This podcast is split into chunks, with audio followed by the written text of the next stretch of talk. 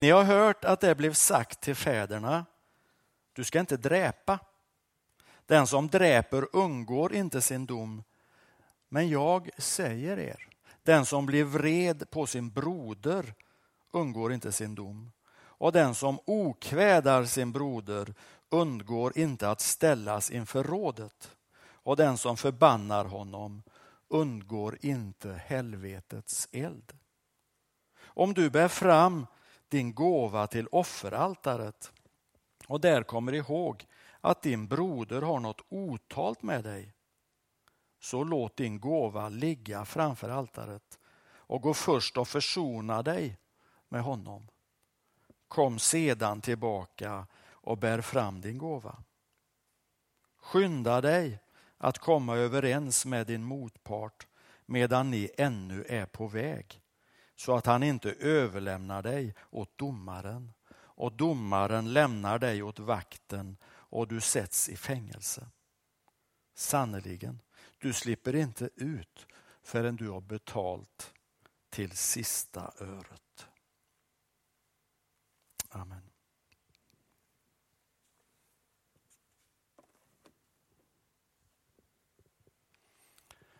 En bra text va? När man ska tala om efterföljelse. Eh, alltså jag tycker den här början, det, det är på ett sätt lite märkligt. Eh, för där framstår ju det här med livet nästan som en tävling. Som om det skulle handla om att överträffa varandra för att förtjäna en plats. Och när Jesus använder ordet överträffa så, så handlar det om att överträffa med, med god marginal. Det handlar liksom inte om målfotot utan det handlar om att överträffa rejält. Så vi får ju fråga, uppmanar Jesus verkligen sina åhörare att de måste vara bättre än de skriftlärda och fariseerna när det gäller rättfärdigheten? Att de ska överträffa den? Är det så vi ska förstå texten? Eh, fariseerna och skriftlärda de har ju det inte lätt på ett sätt för de får ju nästan bara skit, höll jag på att säga. Alltså när man berättar om dem. De är ju ofta som avskräckande exempel. Eh, men för dem var det viktigt att räcka till. Eh, det är av stor betydelse, menade de, att man gör det veta att man aldrig smutsar ner sig själv, liksom. att man inte smutsar ner sitt rykte. Eh, det de inte bekymrar sig för är det här att när man koncentrerar sig mycket för att framstå på bra sätt själv så, så finns det en risk att man helt glömmer bort andra. Att man har så fullt med sitt eget. Och när de får se andra som gör fel så kan de inte låta bli att försöka rätta till dem här. Eh, det kan vara att de andra tror fel. Det kan vara att de lever fel. Eller så kan det vara något annat som är fel. Men de räcker inte till helt enkelt. Det finns annat att önska. Och så använder fariseer och skriftlärda lagen för att visa människor att de har kommit vilse. Lagen var alltid viktigast. Även om människor skulle komma i kläm eller fara illa så kunde inte de se att det skulle förändra något. Lagen var viktigast i alla lägen, utan undantag. Och Vi kan ju se sådana tendenser idag också. Människor som vill använda bibelord på det sättet att slå ner på andra. Som använder Bibeln för att döma ut och förkasta de som uppfattas tänka eller leva fel. Och Det är kanske lätt att hamna där. Det är ju som bekant väldigt mycket enklare att se fel hos andra eh, än att se dem hos sig själv. Och Den fällan vill Jesus att vi ska undvika. Och Istället så kommer i den här texten en liten uppräkning kan man nästan säga hur vi ska tänka.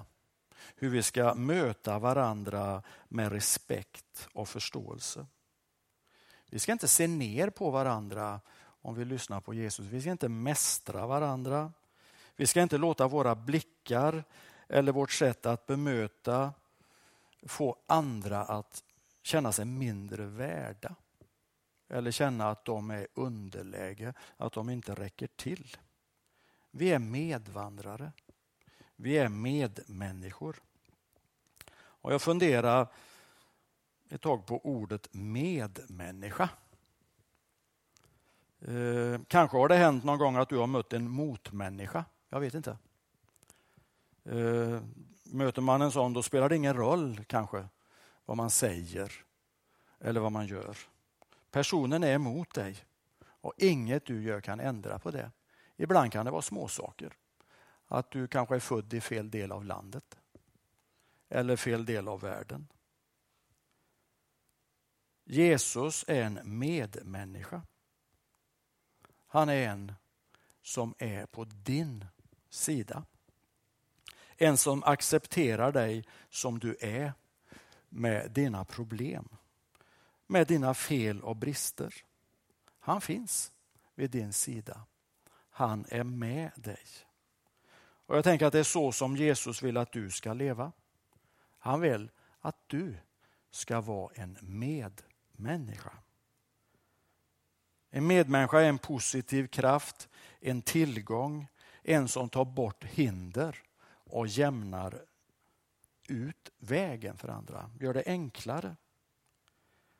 När man läser i Nya Testamentet får man ibland känslan att fariseer och skriftlärda försökte sätta upp höga staket och murar som höll människor utanför. Och så använder de lagen för att hålla dem borta. Liksom. Så gör Jesus aldrig.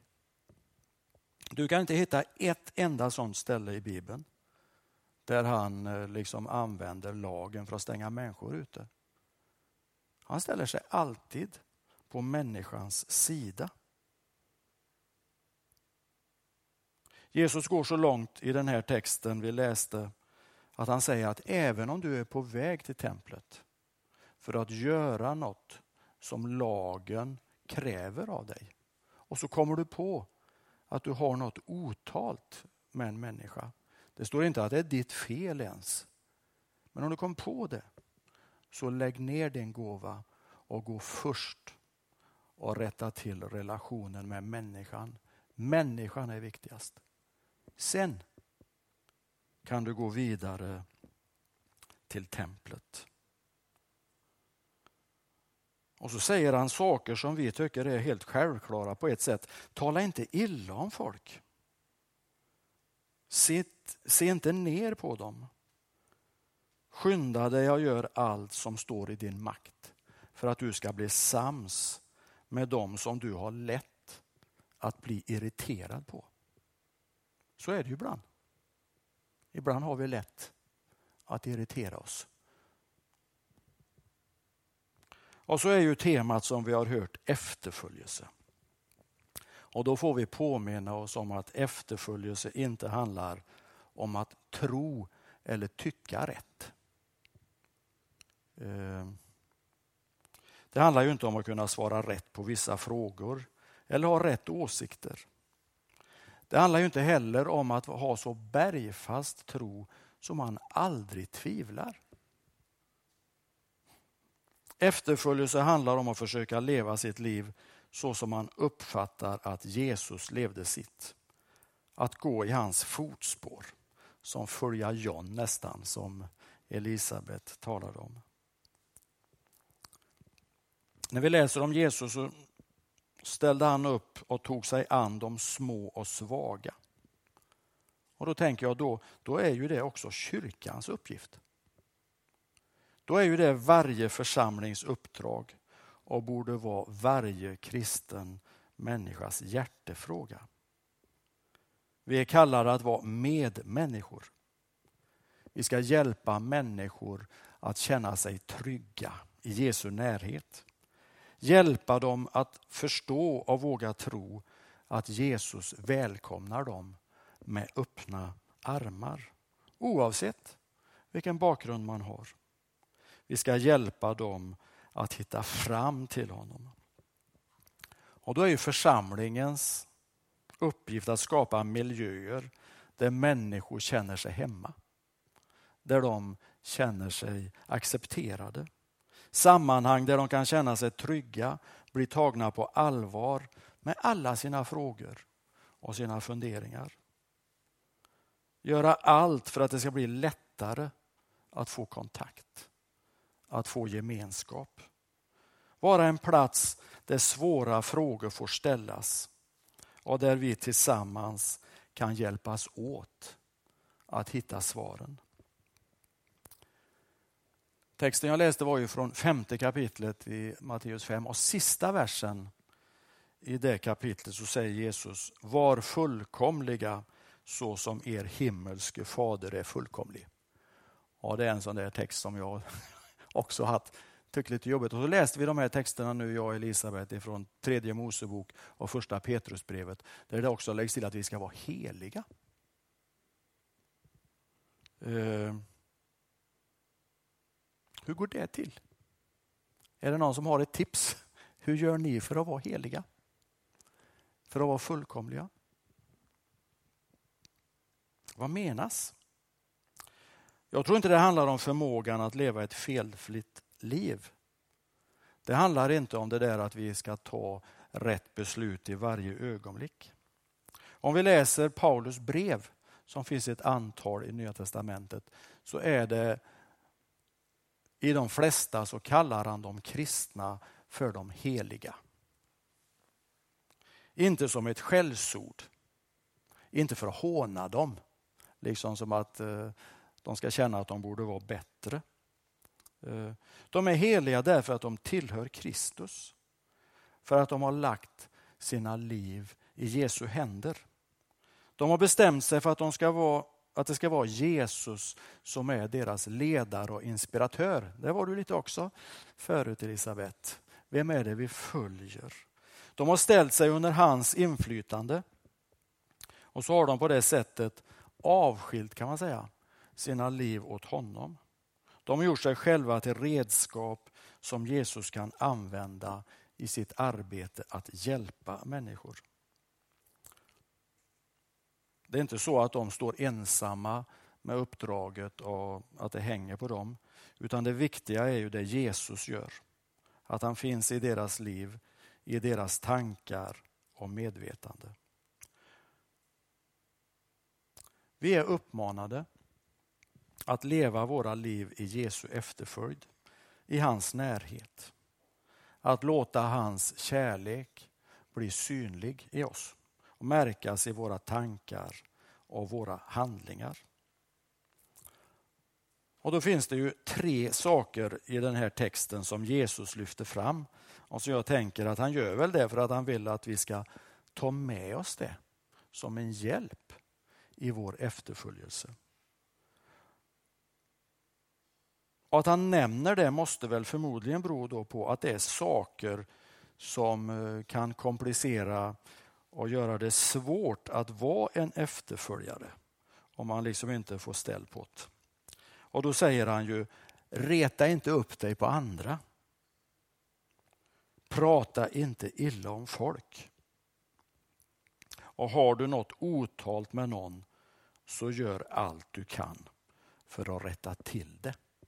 Så skulle man kunna förkorta eh, det han säger i texten vi läste. Använd alla möjligheter och tillfällen du får till att lyfta människor. Till att uppmuntra dem, till att hjälpa dem våga vidare. Om människor som inte finns i rummet blir kritiserade eller baktalade, säg ifrån. Bli inte en del i den kören. Bli istället, som Paulus säger, en Kristusdoft. Låt det vara Jesus sinne som påverkar ditt inre och ditt liv.